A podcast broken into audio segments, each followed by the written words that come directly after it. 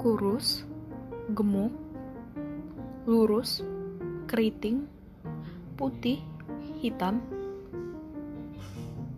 bahagia, sedih, bersuka cita, bersedih, punya banyak masalah,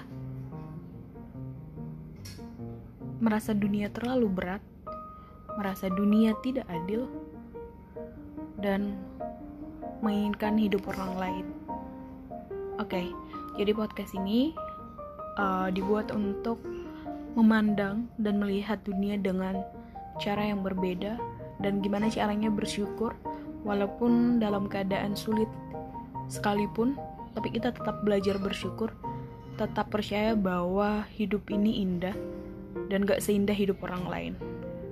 So, check it.